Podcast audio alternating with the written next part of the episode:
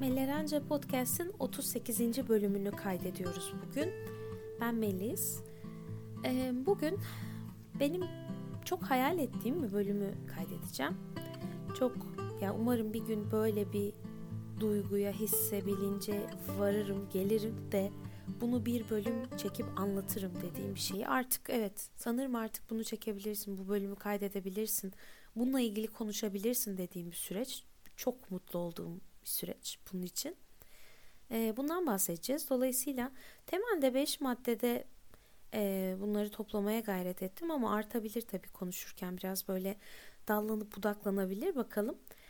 Birçok insana e, şifa olacağını, kendilerinden bir şey bulacaklarını ümit ederek bu bölümü kaydedeceğim. Amacım bu olacak. Ve bir sürecin de anatomisini aslında belki görmeniz için hani sizin ihtiyacınıza ve hayatta nerede olduğunuza göre değişir ne alacağınız tabii ki. Ee, bununla ilgili konuşacağız. Çok gerçekten böyle garip belki de ilk defa hissettiğim bir duygu hissederek kaydedeceğim bu bölümü. Öncesinde şöyle küçük bir şey söyleyeyim sadece. Ee, podcast'te gördüğünüz gibi tamamen zihnimi, kalbimi, tecrübemi vesaire açtığım bir yer. Uzun da bölümler yapıyoruz. Yani 10 dakika değil yarım saat falan bölümler sürüyor genelde ve bununla ilgili sürekli bölümleri dinlediğini bildiğim ve bana devamlı yazan bazı güzel insanlar var. Instagram üzerinden mesajlaştığımız fikirlerini söyleyen, ne hissettiğini, ne öğrendiğini, nereye ilham olduğunu söyleyen ya da ya ben de böyle hissediyordum. Senin de böyle hissettiğini duymak çok güzel geldi diyen. Ama bazen de bazı insanlar yazıyor. Hani ben hep dinliyorum bölümlerinizi diyor ama ilk defa yazmış 38 bölümdür ve çok mutlu oluyorum. Eğer siz de böyleyseniz çok sıkça bu bölümleri dinliyorsanız ama daha önce hiç konuşmadıysak bana Instagram üzerinden mesaj atarsanız ve tanışırsak çok mutlu olurum. Çünkü çok kıymet veriyorum hakikaten. Ee, sizin var olduğunuzu bilmek bana da çok iyi geliyor. Herhangi bir şekilde konuşmalarımdan işte tecrübelerimden neyse ilham aldığınızı bilmek çok daha iyi geliyor ve devam etmeme vesile oluyor. O yüzden mesajlarınızı beklerim, tanışmayı çok isterim. Bunu söyleyerek başlayayım. Ee, evet, şimdi ben 2012'de Melerence Blogspot ismindeki blogumu ilk kez açtığımda 20 yaşındaydım. Ve bugün neredeyse 30 yaşında bir insan olarak dönüp o zaman yazdığım bazı yazılara baktığımda hani o e, varoluşsal sancılar var ya onun başladığı ilk dönem olduğunu görüyorum 20 yaşlarımın aslında. Ya hep böyle bu öyle o tip bir çocuktum zaten. Yani işte çok düşünen, küçük ayrıntıları fark eden, kafa yoran, bazen fazla kafa yorup böyle depresifleştiren kendini vesaire ayrıntı gören bir çocuktum. Bu zamanla bakıyorum ki 20 yaşında 22 yaşında da bahsettiğim konuştuğum konulara baktığımda yine aynı şekilde onun büyümekte olduğunu o, o dönem şu an fark ediyorum. Bugün konuşmak istediğim konu da sanırım ben o sancıların ilk hakiki meyvelerini almaya başladığım bir dönemdeyim. Ve e, bir şarkıda diyor ya çok aslında böyle pop şarkısı ama o söz çok hoşuma gidiyor. E, dünyada var mıdır hiç yanmadan sönen diye. Hakikaten benim durumumda o oldu. Sanki o ateş hazırlandı böyle 20 yaşından 24-25 yaşına kadar. 24'ümde zaten Hollanda'ya taşındığımda hayatım, benliğim, yalnızlığım her şey çok farklılaştı ve hızlandırdı o, harladı o ateşi yani. Tabii daha birçok şey. Sonra ben bir 25-26 yaşlarında baya bence içsel olarak cayır cayır yanmaya başladım. Ee, mutsuz değildim, öyle sürekli mutsuzdum değil hani ama sancılıydım, devamlı sancılıydım. Anlayamadığım şeyler vardı, biraz anladığım ve biraz anladığım için kafamı daha çok karıştıran şeyler vardı. Ee, kendimi kesinlikle yeterince iyi tanımıyordum ve birçok böyle 14-15 yaşın tutkularıyla yetişkinlik hayatımı sürdürmeye çalışıyordum. Dolayısıyla bir dengesizlik vardı. O dengesizlik bana çok büyük ağrı veriyordu hayatımda sürekli. Yani de bazen öyle anlar oluyordu ki kafama böyle yumruk atıp hani dur artık düşünme falan diyeceğim anlar oluyordu. O kadar yoğun bir dönemdi. Ee, bu dönemde çok şey yaptım bu sancıyı dindirebilmek için.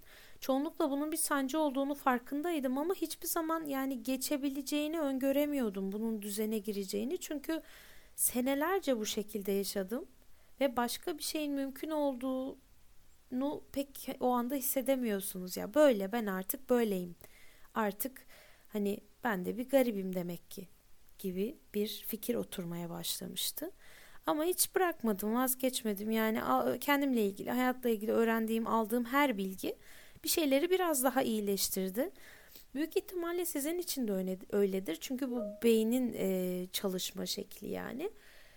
Bir şeylere cevap arıyordum devamlı. Cevaplara ihtiyacım vardı ve bulduğum çünkü çok fazla sorum vardı. Sorulara cevap buldukça içimdeki ateş sönmeye, biraz işte oradan biraz su serpmeye, buradan rahatlamaya başladı. Ee, bazı şeyleri neden yaptığımı anlayamıyordum. Onları neden yaptığımı anlamaya başladım. Ve bir şey bir şey size zarar veriyor ve hala onu yapmaya devam ediyorsunuz diyelim. Bir öfke de çıkıyor zaman zaman kendinize karşı. Bu da tam olarak bir içsel yanış yani. Bu yanmak gibi bir acıydı açıkçası içimde. Tam nasıl anlatacağımı da bilmiyorum çok soyut olduğu için ama sancı çok doğru bir kelime. Çok sancılı bir dönemdi bu. Ee, neyse efendim. Biraz şey bir ya çok çok özelimi açıyorum şu anda size hani konuşması ve düşünmesi zor bir konu ama neredeyse tanıştığım herkesin aynı şey yaşadığını gördüğüm için farklı seviyelerde paylaşmayı da çok kıymetli buluyorum. Seve seve açıyorum şu an kalbimi yani.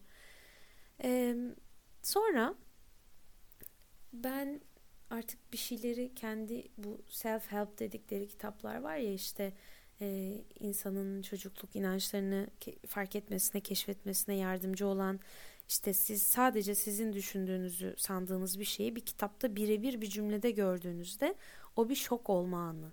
Biraz da bir rahatlama anı ya demek ki sadece ben değilmişim bu bilinen bir şeymiş dediğiniz anlar.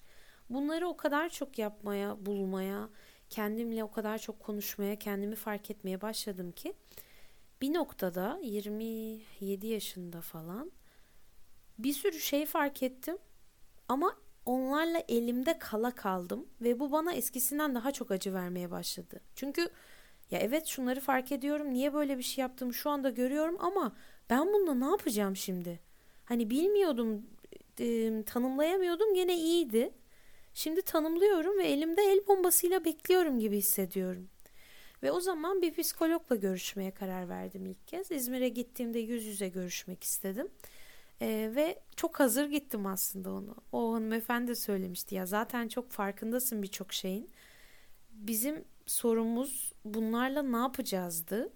Bunların cevaplarını fark etmekti. Ve ilk dönemde e, çok yardımcı oldu bana e, o hanımla yaptığım konuşmalar, görüşmeler. Lakin genelde zaten bir uzmanla görüştüğünüzde ve kendi içinizle o sizi ayna tuttuğunda ya ben de öyle birçok insanda da öyle. Ciddi bir kızgınlık ve öfke patlıyor. Çünkü kendinize yaptıklarınızı fark ediyorsunuz. Size yapılanları fark ediyorsunuz ve çok kızgın hissediyorsunuz ilk etapta. O yüzden bir psikologla görüşmeye başlarsanız e, özellikle ilk seanslar yani belki bir 5, 6, 8 seans duruma göre değişir. Çok kötü çıkıyorsunuz oradan yani hani bayağı paramla rezil oluyorum, paramla acı çekiyorum şeklinde çıkıyorsunuz. Fakat o dalgaların yükseldiği an ama sabredin o dalgalar düşüşe geçmeye, sakinleşmeye, inişe başlayacaklar ve en sonunda devam ederseniz çarşaf gibi bir denize varabiliyorsunuz. Şu anda biraz o denizi görüyorum ucundan artık. O yüzden bu bölümü kaydetmek çok kıymetli benim için. Dilerim her ihtiyacı olana ulaşır. Neyse ardından bir e, 8-10 seans o hanımla görüştüğümüzde biraz daha bazı sorulara cevap bulmaya başladım. Benim ilk psikoloğa gittiğimde kendimle ilgili çok net bir bir sürü düşüncem vardı ama bir tanesi çok netti. O da ben absürt bir insanım. Hep bunu söylüyordum. O ne demek Melis diyordu. Yani ben bir, ben bir garibim. Ben garip şeyler yaparım. Aykırı şeyler yaparım. İçimden gelen bu. Bu yüzden de pek e, kabul görmediğim çok olmuştur çocukluğumda. Hani herkes işte çiçek olur oturur. Ben bir sorun çıkarırım ya. Ben sorun çıkaran biriyim. Aykırılık yapan biriyim ve bu doğamda var. Bunu bilerek yapmıyorum. Böyle yaratılmışım. Demek ki bende bir sıkıntı var gibi bir duygu vardı bende. Ee, çocukluğumda da her zaman böyle hep hani ben yaparım ben sunarım, ben atlarım, mikrofona ben andımızı ben okurum falan diyen bir çocuktum. Yani böyle dışarıdan baktığında içine kapanık, işte sesi çıkmayan bir çocuk değildim. Tam aksi. Fakat zamanla bunların aslında e, ihtiyacım olan ilgi, sevgi ve kabul görmeyi almak için yaptığım böyle ya bir etki tepki yaratmak için yaptığım şeyler olduğunu fark ettim. 28 yaşımdan sonra belki. Dolayısıyla aslında bunun benim sıfatım olmadığını yani benim bende bir gariplik olmadığını ama çocukluk yıllarım boyunca e, bununla başa çıkmayı bilmeyen, bunu anlamayan, göremeyen insanların verdiği tepkiler sonucunda kendimi garip bellediğimi fark ettim. Dolayısıyla kendime karşı bunu fark ettiğinizde şey gibi yani bir kutu açıyorsunuz ve o kutunun içinde sıkışmış olan böyle e, şey gibi görüyorum zihnimde siyah kelebekler var. Kutuyu açıyorsunuz pırır siyah kelebekler uçuyor ve huh yapıyorsunuz. Orası rahatlıyor beyninizin o bölgesi. Ve şu anda yüzde beş bile garip bir insan olduğumu düşünmüyorum. Ben çok güzel bir insanım. Nasıl yaratıldıysam öyle bir insanım. Yaratıldığım gibi bir insanım ve bu zaten beni çok güzel yapmaya yetiyor. Her şeyi e, herkesle aynı görmek, aynı düşünmek zorunda değilim ve bunda hiçbir sıkıntı yok. Ve herkes böyle. Herkes olduğu gibi çok güzel. Size kendinizi garip, yanlış, absürt, bozuk hissettiren birileri varsa bu onların sizi yorumlayışıyla ve anlamayışıyla anlamamaktan ziyade anlamlandıramayışıyla ilgili. Bunu bilmek benim içimdeki böyle düdüklü tencere gibi basıncın çok büyük bir kısmını boşaltıp rahatlamama yardımcı oldu. Sonrasında da yol daha güzel devam etti, daha kolay devam etti.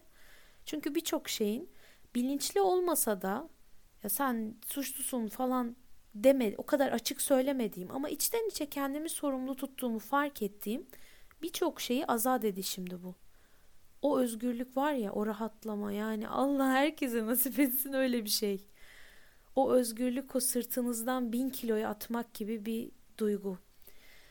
Neyse Ardından benim sürecim iyice başladı. Bir noktada e, kafamda hazırladığım beş maddenin biri şuydu. Anlamak ve gerçekten kavramak, göğüs boşluğunda onu böyle kabul ile, sükunetle, sakinlikle hissetmek, sindirmek farklı şeyler. Yani şimdi bir insan kendini sevmeli mi? Evet sevmeli. Ee, sen kendini seviyor musun? Yani çalışıyorum bu konu üstünde. Okey. Bu durum ile kendini çabasız bir şekilde bir kabul ile sevebilmeye varmak, yanaşmak bile çok farklı şeyler. Size çok farklı şeyler hissettiren, hayatta sizi çok farklı yere taşıyan iki şey bu. Ee, ben de belki 20 yaşında bile birçok şeyi anlıyordum. Birçok şeyin doğruluğunu görüyordum ama data yoktu yani içimde. Onu bir yere oturtamıyordum içimde. Dolayısıyla da o sancı devam ediyordu. Hatta bazen bu kızgınlık da Ya anlıyorsun işte Niye yapamıyorsun? Niye hissedemiyorsun? Anlamasan hadi bilmiyordun diyeceğim. Bu öfke çıkıyordu daha küçük yaşlarımda. E, dolayısıyla sen bu süreci hızlandıramazsın. Bu, yani şöyle bu sürece müdahale edemezsin. Bu kendisi olacak. Başka bir madde de her şeyin bir zamanı var o yüzden. İttirmek, zorlamak, öfkelenmek bu sürecini geri götürmekten başka bir işe yaramaz. Gönül bu süreci hızlandırmak istiyor. Çünkü ben hep diyordum yıllarım gidiyor. Hemen anlasam, hemen ben bunu aşsam. Ama öyle olmuyor. Hayat öyle çalışmıyor. Kaldı ki şunu da fark ettim. Çok bilinçli olduğumu düşündüğüm zamanlarda dahi yıllarımın gittiğinden çok emindim mesela. Ama kabul ettim artık benim de yıllarım böyle gidecekmiş falan dedim. Şu anda denizim çarşaflaşmaya başladıkça, sükunet gelmeye başladıkça ruhuma Fikrim değişti ve şöyle düşünüyorum. Yıllarım falan gitmiyor. Sen yaşamaya devam ediyorsun. Kendini rahat bırakırsan, o günkü hayatını doyasıya yaşarsan çok kıymetli bir hayat o anda da devam ediyor zaten. Kendini başarısız olman gerektiğini düşündüğün yerde bulmaman o anı, o güzel yaşamayı anı e, yaşamaya değmediğin anlamına gelmiyor. Hala yaşayabilirsin. Hala aynı tadı verecek sana kendini rahat bırakırsan. Ya da kafandaki ideal senden daha kilolu olman o güzel yere o gün gitmemen gerektiği anlamına gelmiyor. 10 kilo vermeyi beklemek zorunda değilsin o güzel günü yaşamak için. Dolayısıyla aslında yılların falan gitmiyor. Hayatta her şeyde olduğu gibi senin verdiğin anlam onu şekillendiriyor. Sen diyorsun ki şöyle şöyle şunu daha başarmadım. Dolayısıyla bunu daha yaşayamam. Kendime izin vermiyorum. Ceza veriyorum. Dolayısıyla da yıllarım gidiyor. Ben bunu başarana kadar mutlu olamayacağım. Bunu söylersen bunu yaşarsın. Ben bir süreçteyim. Bu süreç illaki meyvesini verecek.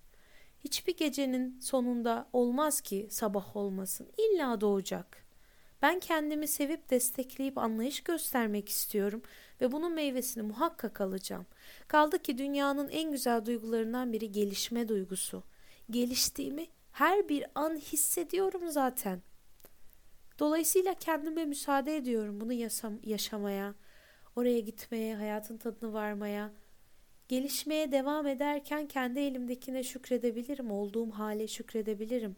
Bu okey ben artık tamamım daha fazlasını daha iyisini amaçlamıyorum demek değil. Aynı zamanda daha iyisine de devam edebilirim onu aramaya, geliştirmeye, hayatımı güzelleştirmeye. Kaldı ki gelişim hiçbir zaman bitmiyor. Mutlaka gitgide hep başka şeyler fark edeceğiz hayatımızda. Mesela genelde hayata bakışını beğendiğim 40 yaş civarı insanlar hep şeyi söylüyor ya kimseyi takmıyorum artık. Canım ne isterse onu yapıyorum. Mutsuz olduğum yerde durmuyorum. Mesela bunu da anlıyorum. Büyük ihtimalle ben de o yaşa doğru öyle olacağım ama şu anda tam olarak onu içime oturtamıyorum. Ve it's okay. Yani eskiden yaptığımı yapmıyorum. Tamam. Demek ki bu da sürecin bir parçası. Bunun da böyle olması gerekiyor. Oraya giden yolun tadını çıkarayım şimdi ben. İşte artık kimseyi takmamaya başladığımda çok mutlu olacağım. O zamana kadar da kendimi eziyet edeceğim. Böyle bir bakış açısı yok artık yani bende. Ve ne kadar güzel, ne kadar özgürlük dolu, ne kadar sağlık dolu, aşk dolu kendime karşı. Oraya giden sürecin her bir dakikasını yaşayacağım ve sonuna kadar keyfini çıkaracağım bunu. Şu andaki duygum bu. Ee, diğer bir madde bununla bağlantılıydı. Sükunet. Çok bilinçli olduğumu, bir şeyleri çok fark ettiğimi düşündüğüm bazı yaşlarda içimde durmak bilmeyen bir kavga vardı. Yani çok öfkeliydim böyle birçok şeye karşı. Hep şöyle derdim mesela. Ben aptal insana tahammül edemiyorum. Hep böyle derdim. 25 yaşlarımda falan. Şimdi bunda bu arada bunu böyle ya kibirli bir değiş zaten. Ama bunu kibirle başkalarına söylemezdim. Kendi fikrimdi bu. Ya böyle şu anda mesela işte cehalet dolu bir insanla konuşmayı tercih etmem. Bir şey çünkü alışveriş yapamıyorsak karşımdaki insan sadece böyle şey gibi neydi o guguk kuşumu tık tık tık tık kafamı delmeye çalışıyorsa niye hoşuma gitsin istemem yine tabii ki. Ama insanlara ya da farklı şeylere beni tahammülümü düşüren şeylere karşı bir kızgınlık vardı. Şu anda bir kızgınlık yok mesela. Yine diyorum yine cehalet dolu bir insanla dinlemeyi bilmeyen bir insanla konuşmayı tabii ki istemem. Yani niye hani niye isteyeyim bunu arzulayayım? Bir şey değiştirebileceksem, ben ondan bir şey alabileceksem, ona bir şey verebileceksem isterim. Ama hiçbir faydası yoksa niye isteyeyim? Zamanımı niye harcayayım? Fakat Artık öfke yok içimde bununla ilgili.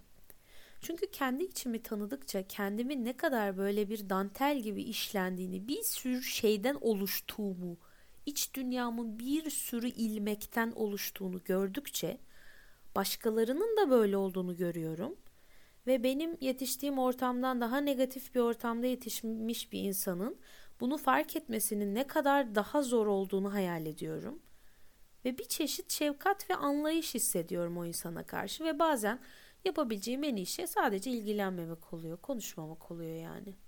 Ya hiç mi sinirlenmiyorum? Tabii ki sinirleniyorum. Bazen patlıyorum, bir şeyler söylüyorum mesela atıyorum sosyal medyada falan. Ama çoğunlukla ya okey. Yani konuşmak istersen, sen de dinlersen, ben de seni dinlerim. Sen de beni dinleyeceksen konuşabiliriz. Ama madem öyle diyorsun tamam ya hayırlısı olsun senin için yani. Hani başka Bu açıdan inanılmaz bir kavgasızlık ve sükunet artışı var içimde son aylarda ve hayatımda ilk defa hissettiğim bir şey bu. O yüzden de biraz bunun sihrine inanıyorum. Zaman zaman böyle dalgalanma şeklinde çok iyi haller olduktan sonra hep dibe vururdum. Çok da kötü haller. Hatta bazen ertesi gün olurdu yani. Bir gün çok mutluyum. Tamam abi ben çözdüm bu işi. Artık hani çok şey hiçbir şey de akmıyorum artık falan. Öbür gün bir kalkıyordum sebepsiz. Allah kahretsin bu nasıl bir hayat falan diye. Ve o dalgalanma da beni çok yoruyordu yani. O ve şeyi te, e, tasdikliyordu. Kesin bende bir gariplik var hani. O duygu hep içimdeydi. Devamlı onu onaylayacak şeylere yorumluyordum hayatımdakileri. Ama şu anda hiç öyle bakmıyorum ve bir kalıcılık hissediyorum bunda. Yani e, bu mindset dedikleri o düşünme yapım, o yapı taşı değişmeye başladı artık, şekillenmeye başladı. Bunu fark ediyorum. Dolayısıyla da herkese aynı anlayışı otomatik olarak göstermeye başladım. Herkesin her şeyini tahammül etmek zorunda da değilim tabii ki. Kendimi sevdiğim için değilim en başta. Ama öyle bir durumda da ortamı terk edebilirim. Sosyal medyada o insanı engellerim. Birbirimizi görmemiş oluruz. Sorun çözülmüş olur falan gibi. Yani durumları çekiştirip bundan keyif almıyorum. Özellikle sosyal medyada çok insan görüyorum.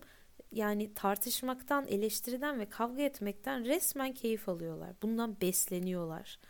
Artık bir çeşit böyle bir ego savaşı ilan edip ben bak şimdi sana nasıl laf sokacağım, seni nasıl alt edeceğim göreceksin falan diye benim nezdimde laf aramızda söylüyorum. Bu insanın iç karışıklığının dışa yansımalarından biridir hep. Yani çatışma arıyorsa bir insan içerideki şey de bu demek. Dolayısıyla ben artık onu göz önünde bulunduruyorum işte yani. Eskisine göre bendeki fark o. Ya bu insan şu anda e, bir şeylerin etkisi altında. Psikolojisinin, ruh halinin, işte geçmiş hayatın etkisi altında ve ben bu insana bir laf anlatamam. Dolayısıyla he canım hayırlısı olsun senin için. Allah ıslah etsin hepimizi. E umarım güzel olur hayat senin için. O kadar ya. Benden bir yardım istersen naçizane elimden gelen katkıyı sağlamaya çalışırım. Ama böyle bir talebin yoksa o senin sorumluluğun artık. Çocuk değilsin. Sen de yani herkes bir şekilde kendi çabasının e, sonucunu yaşıyor hayatta. E, evet diğer bir madde çok artık net şekilde anladım, emin oldum ki çocukluk her şey. Yani çocuklukta inşa ettiğin inançların her şey. En başta kendinle ilgili inancın. Mesela hala bazı inançlarım var çocukluktan beri benimle gelen.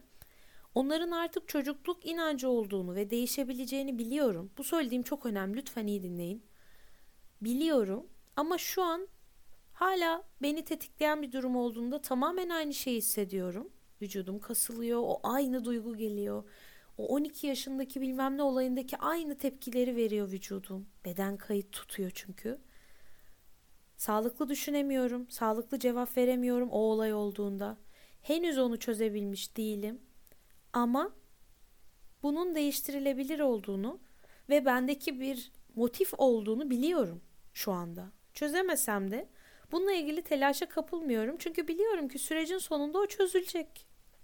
Eli mahkum yani çözülecek başka. Ben onun oradaki soruları bulup fark edip keşfedip keşfedip o sorulara cevap verdiğimde o kutu da açılacak. Oradaki siyah kelebekler de çıkıp uçacak. Biliyorum. Bu bir süreç. Demek ki daha ona sıra gelmedi. Ve hayal edebiliyor musunuz? Bu anlamda kontrolü ele almanın ne kadar büyük özgürlük sağladığını insana. Kabulün ne kadar özgürlük sağladığı aslında inanılmaz bir ızdırap içinde yaşıyoruz devamlı bunu yapmadığımız zaman. Hiçbir şey yokken salonda otururken bile içimizde süre gelen bir ızdırap var. Dolayısıyla kendinizi özgür bırakıp süreci kabul ettiğinizde her şey rahatlamaya ve farklılaşmaya başlıyor. Yani ama dediğim gibi senelerce uğraştım ben bunun için bana sorarsanız. Senelerce. Benim son 5 senem inanılmaz ızdırap dolu ve sancılı geçti. Tekrar söylüyorum bu mütemadiyen depresyonda olup çok mutsuz, çok vesaire olmanız anlamına gelmiyor. Ya ben öyle mutsuz değilim ki o kadar falan olması gerekmiyor bunun için. Sancı, sancıdan bahsediyorum. Mutlu anlarda bile bir sancı, bir olmamışlık, bir ya bir şey eksik, bir, şey lazım ama bulamıyorum duygusu. Dolayısıyla e, mümkünse bir uzman eşliğinde her bölümde söylüyorum. Çünkü aynı yerden bakarak farklı şeyler görmek pek mümkün olmuyor. Sizdeki e, o data belli yani. Dolayısıyla e, birinin, bir kitabın, bir kişinin, bir psikoloğun vesaire size bir de buradan bak ben dışarıdan bakıyorum böyle görüyorum demesi sizde bir e, böyle küçük küçük uyanışlara sebep oluyor. Onlar birleşip büyüdüğünde de çok güzel değişiklikler, değişimler görmeye başlıyorsunuz. Ve beşinci hazırladığım maddede kendini layık bulmakta. Aslında bununla ilgili ayrı bir bölüm yapmayı düşünüyordum. Sen kendini layık bulmazsan başkaları seni nasıl bulsun başlığında. Bu yani böyle bunu dinleyen herkese e, çayımızı kahvemizi alıp böyle 7-8 saat bir masanın başına oturup konuşasım var şu anda. O kadar e, böyle içimi titreten bir şey ki bu. Çünkü ya ben küçükken hayata daha fiziksel şeylerden ibaret sanırdım. Yani işte iyi bir iş, bilmem ne, güzel bir ev, büyük bir televizyon falan filan. Fakat şu anda anlıyorum ki bunlar genelde işte 25 ila 35 yaş arasında oturuyor. Sonra da hepimizin telaşı şeyi bütün bu görünmeyen şeyler, fiziksel olmayan şeyler. Bunları çözebilmek, bunlarda başarılı olabilmek insanı mutlu kılan, mutlu yaşamasını sağlayan, devam ettiren şey. Her şeyiniz olsun ama bu iç tanınırlığınız, iç huzurunuz, kendinizi tanımanız tamamlanmadığı sürece o ızdırap ve sancı içeride devam ediyor. Kendini layık bulmak konusu daha önce kendini sevmekle ilgili işte herkes kendini sev diyor ama sevmiyorum ya nasıl seveceğim başlığında bir bölüm kaydetmiştik. Oradaki düşüncelerimi hani çoğunlukla hala katılıyorum. Temel şeyleri konuştuk. Fakat buna ek olarak şunu söyleyebilirim. Herkes kendini sevebilir. Yani herkeste kendini sevecek malzeme vardır. Bu konuda hayatınızda nerede hissediyorsunuz bilmiyorum ama kendinizi mesela sevmemenizin ya da gıcık olmanızın, kızmanızın sebebi bir şeyleri başaramamanız ise ya bırakın kızmayı, e, 7 yaşında bir çocuk olarak resmedin kendiniz. Hatta alın fotoğrafınızı karşınıza. Bakın kendi çocukluk fotoğrafınıza. Ve sorun yani bu telaşı artık bırakın. Dönün ve sorun ki ya canım benim ne hissediyorsun? Ne yaşıyorsun? Seni bu kadar baskılayan şey ne? Bu kadar senin uykularını kaçırtan, işte rüyanda sayıklattıran, bu kadar telaşa sürükleyen şey ne seni? Vardır bir çözümü. İyi olacaksın. Sakin ol. Hallederiz yani. Birinci önceliğiniz kendinizi hırpalamamak olsun o yüzden. Sizden daha değerli bir şey var mı sizin için ya? Bu vücut sizin eviniz. Bu zihin sizin eviniz. Eşiniz, çocuklarınız, arkadaşlarınız, aileniz gittiğinde siz akşam başınızı yastığa koyduğunuzda kendinizle baş başa kalıyorsunuz. Bütün gün kendinizle baş başasınız. Devamlı sizinle kavga eden bir oda arkadaşınız olsun ister misiniz ya? Hani ne kadar kendi kendimize yapıyoruz bu ızdırabı anlıyor musunuz? Ama işte diyorum ki bunun bir çözümü var. Hiçbir şey sonsuza dek sürmez. Birkaç yıl boyunca bile bir durumda olmanız fiziksel olarak ya da mental olarak onun değişemeyeceği anlamına gelmiyor. Zoom out diyorlar ya bir adım geri atıp şöyle bir yaşadığınız hani uydu görüntüsü gibi hatta evinizin tepesine şehrinizin, ülkenizin, dünyanın uzaydan şöyle bir kendinize bakın aslında ne kadar küçük bir yer kapladığınızı görün. Her şeyin ne kadar da değişebildiğini görün. Demek ki başka bir yerden bakmak gerekiyor ve lütfen bunu kendinize söylemeye başlayın. Şu anda bunu nasıl çözeceğimi bilmiyor olmam, bunun çözülemiyor olduğu anlamına gelmez. Ben bir süreçteyim ve bu süreç illaki irili ufaklı meyveler verecek Önce çiçek açacak, sonra çiçekler meyveye dönüşecek. Bazı çiçekler yaşamayacak, solacak, dökülecek, oradan meyve çıkmayacak, öbür dallardan çıkacak. Ve en sonunda ben meyve veren bir ağaç olacağım. Bu kesin. Ama o zamana kadar çiçekler çıkmaya başlıyor. Sen diyorsun ki meyve nerede? Gerizekalı meyve nerede? Düşünsene çiçeğin kalbini ne kadar kırıyorsun. Dili olsa sana diyecek ki bir dur da gelecek yani dur daha gidiyoruz oraya. Daha süreçteyiz sakin. Ama sen sürekli kendine dayak atmakla meşgulsün. Çiçekleri dövüyorsun, tomurcukları dövüyorsun, dallarını kırıyorsun. Müsaade et. Gelişsin o süreç. Müsaade et. Meyveyi bir unut. Düşünme bir meyveyi. Çiçeğe bak bir. Ya ne güzel bir çiçek çıkardım ben. Kuru dallardan ibarettim. Ne güzel bir yaprak çıkardım. Bak bak şurada yeşil bir yaprak doğuyor. Kupkuru dallar vardı sadece. Minicik bir yeşil yaprak doğuyor. Sadece oraya bak. Bir bitkiye konuşup sevdiğin zaman bile daha güzel açıyor ya. Yani sadece o küçücük tomurcuğunu takdir et, şükret, ona sevgini ver. Sonra sen bile inanamayacaksın nasıl gerisi pıtır pıtır meyveler, çiçekler döküyor zaten. Ya buradaki işte asıl mevzu neye sevgi verirsen onu büyütürsün. Neye nefret verirsen, kızgınlık, öfke verirsen onu çürütürsün aslında. Kendini çürütme diyorum o yüzden. Ben bu yaşadığım 4-5 yıllık süreçten hayırlısıyla hala devam ediyor tabii ki. Bir ömürde devam edecek. Ama o kavgadan bu sükunete ulaşabildiysem %90 kalıcı şekilde. Yani bazen başıma beni çok sinirlendiren şeyler geliyor. Evet etrafımdaki insanlar da söylemeye başladı. O kadar güzel bir şey ki duyduğun yani duymak için. Yani bir, çok sakinsin hani. Önceden böyle bir şeye sen çok yükselirdin. Şu anda çok sakinsin. Bunu çok kişi söylüyor. İnanılmaz bir mutluluk. Hayatımda hissettiğim birçok mutluluğun üstünde bir şey yani.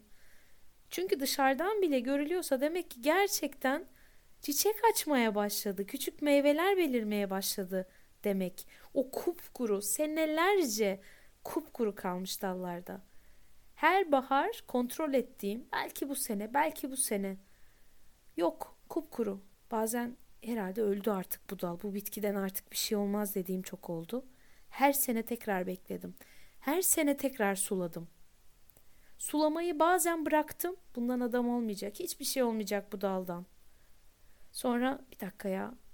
Bu benim elimdeki tek dal. Bu benim dalım. Ne olursa olsun ben bunu sulamaya devam edeceğim deyip tekrar geri döndüm. Her zaman sulamaya devam edin. Hiçbir zaman elinizdeki dallardan vazgeçmeyin. Ve bir çiçek gibi düşünün. Yani nasıl canlanır bir çiçek? Güneşe koyarsın, ihtiyacı olan oysa ama çok da yakmazsın, biraz gölgeye alırsın, sularsın, güzel şeyler söylersin, arada bir fıs fısla yapraklarını sularsın. Ruhumuz da böyle, sürecimiz de böyle. Bak kabak ektim. Instagram'da görenler vardı. Aslında kabak çiçeği için ektim ama önce küçücük işte minik toprağı yardığını gördüm. Çok da hızlı hani bir 2-3 ay içinde oldu bunlar aslında. Hani her bir sabah biraz daha büyüdüğünü gördüm. O dal çıktığında toprağı yardığında işte ben kabak çiçeği istiyorum. Önce iki tane yaprak çıkıyor kocaman. Ben bir tokat atsam çiçeğe desem ki kabak çiçeğim nerede? Hani ta- tamamen aynısını yapıyoruz kendimize ya. Belki oradaki inanç şu. Ya çiçek çıkmazsa. Hani o korku o. Belki kesin o çiçeğin çıkacağını bilsek daha rahat oluruz. Ama ben diyorum ki hiçbir gece sabahsız kalmaz. Hiçbir şey değişmez duran değildir. Sen çabalamaya devam ettikçe, kendine şefkat, inanç, güven, huzur verdikçe İlla ki kendini keşfedeceksin ve çiçek açmaya, meyve vermeye başlayacaksın. Başka yolu yok çünkü dünyanın kanunu bu. Doğada da kanun bu. Varoluştaki kanun bu yani. Bir teori var. E, adını sallıyorum öyle bir şeydi. Kırık cam teorisi gibi bir şeydi. Bir binanın camları kırıksa başka insanlar da gelip ona böyle oyun gibi kolayca taş atar. Hiçbir camı kırık değilse kimse ona cesaret edemez taş atmaya diye. Kendimizle olan ilişkimizde işte buna dikkat etmek çok önemli.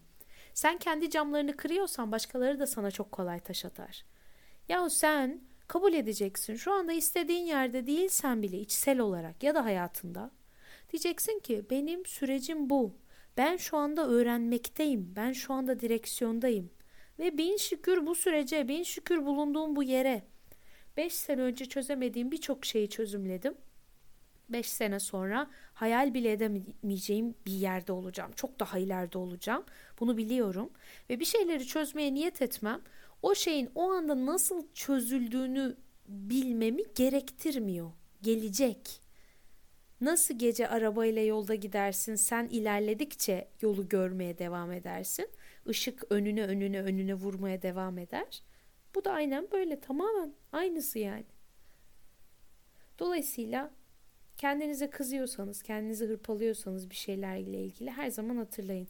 Hiçbir çiçek böyle büyümez. Anca dallarını kırarsınız ve baştan açmasını baştan açmak zorunda kalır onu beklemek yani geriletirsiniz onu beklemek zorunda kalırsınız. Hiçbir çiçek, hiçbir süreç, hiçbir ürün veren bir şey döverek, zorlayarak olmaz. Büyük ihtimalle bir söz var ya yumurtayı dışarıdan kırarsanız hayata son verirsiniz. Hazır olmadan onu kırdığınız için yumurta içeriden kırılırsa yaşam bulur. Yaşam çıkar, kendi hazır olduğunda çıkar. Ancak o zaman hayat bulur. O zaman bir canlı doğar. Sizin içiniz içinde aynı şey geçerli hepimiz için. Dolayısıyla yani dediğim gibi beş maddede önemli şeyleri toparlamak istedim ama sizin kendinizle ilişkiniz her şeyi e, şekillendiren şey. Maddi olarak imkanınız varsa bir uzmanla görüşün ki bu süreci hızlandırsın, size bir ayna tutsun.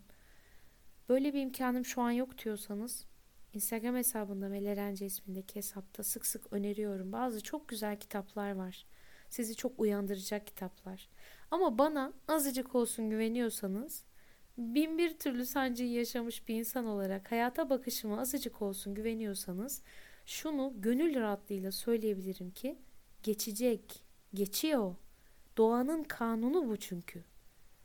Siz kendinizi hırpalayarak, döverek yaptığınız tek şey var, geçmesini geciktiriyorsunuz.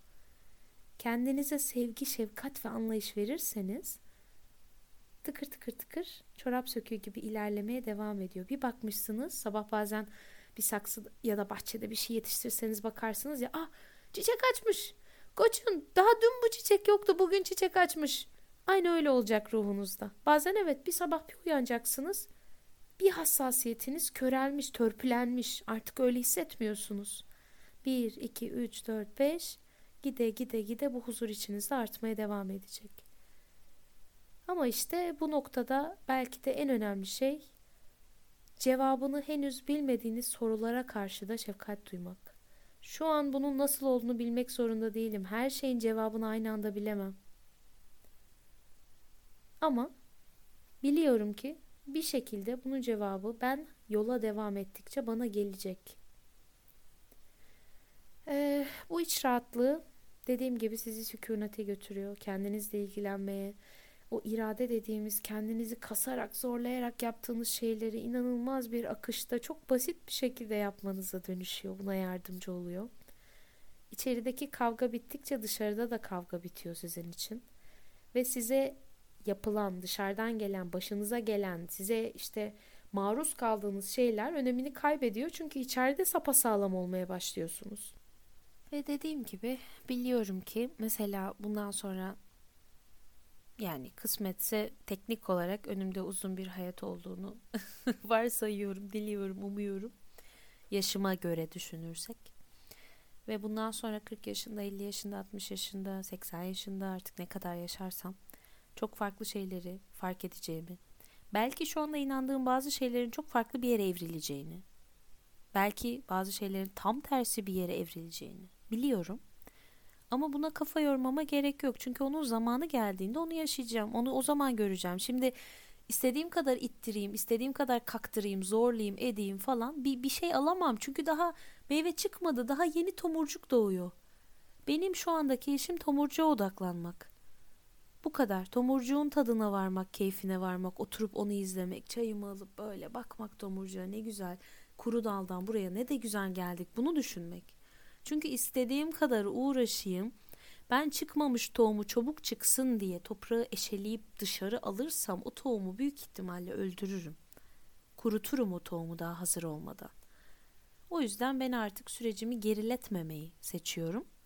Kendi haline bırakıp anlayış ve sevgi, şefkat duygularını ona verdiğimde olacak, olacağına varacak, onun da sırası gelecek dediğimde zaten tıkır tıkır tıkır ilerlemeye devam ediyor. Hiçbir şey hayatta durağan değil, yaşadığınız bir sıkıntı da dahil. Hepsi gelişmeye ve çözülmeye doğru akıyor. Dolayısıyla siz bunu geriletmek yerine desteklerseniz, elinizdeki olduğunuz anın sürecin tadına varırsanız her şeyi çok daha kolaylaştırmış olacaksınız. Ve zamanla en önemlisi bu duygu belirecek içinizde. Ben çok kıymetliyim ya. Ben her şeye layığım yani. Ben artık kendimi anlıyorum. Ve bu benim özel bir insan olduğumdan kaynaklanmıyor. Herkes aslında her şeye layık. Ama siz onu anladığınız andan itibaren bu hisse sahip oluyorsunuz. Normalde şu an kendinden nefret eden biri bile beni dinliyorsa ki lütfen bana yazsın böyle biri varsa. Konuşmak isterim. O insan da şu an her şeye layık ama henüz bilmiyor. Ama aslında yani evrende, dünyada şu anda layık hali hazırda. Sadece bunu fark etmesi gerekiyor. Bu inanca sahip olduğunuzda yani benim düşünün ki ya ben ben bir garibimdir. Bende bir gariplik var şeyini söylediğimde okulda işte e, ne bileyim katıldığım bir kursta vesaire insan ilişkilerinde bir şey olduğunda biriyle tanıştığımda vesaire aklımda hep bu düşünce olur. Ben bir garibim ya ben buna cevap vermeyeyim en iyisi falan. Bu kadar bilinçli olmasa bile içimde bazen bir his olur. Adını koyamazsınız.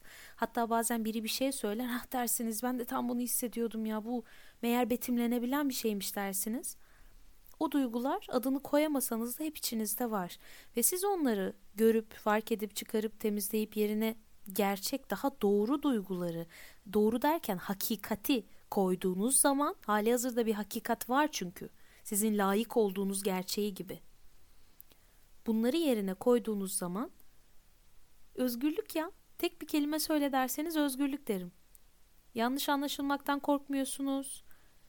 Daha az alınıyorsunuz başkalarının sözlerine ya bana ne hani benle ilgili öyle düşünüyormuş. Bu onun sorunu yani. Demek ki onun iç dünyası bu yorumu yapıyor. Özne ben değilim ki. Yoksa herkes bana aynı şeyi söylerdi. Herkes için aynı insan olurdum. Herkes için başka bir insanım ben. Kimi beni çok seviyor, kimi gıcık oluyor. Herkes farklı bir yorum yapıyor. Hepsinin kendi problemi tırnak içinde. Benim problemim değil başkalarının bana yaptığı yorumlar. Velhasıl gerçekten çok e, iyi ki bu bölümü kaydettim. Umarım birilerine bir şekilde dokunur.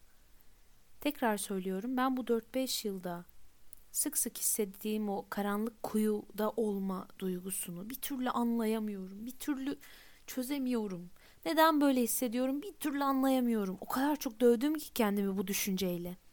Oradan bu sükunete çok şükür ki varabiliyorsam herkes varabilir.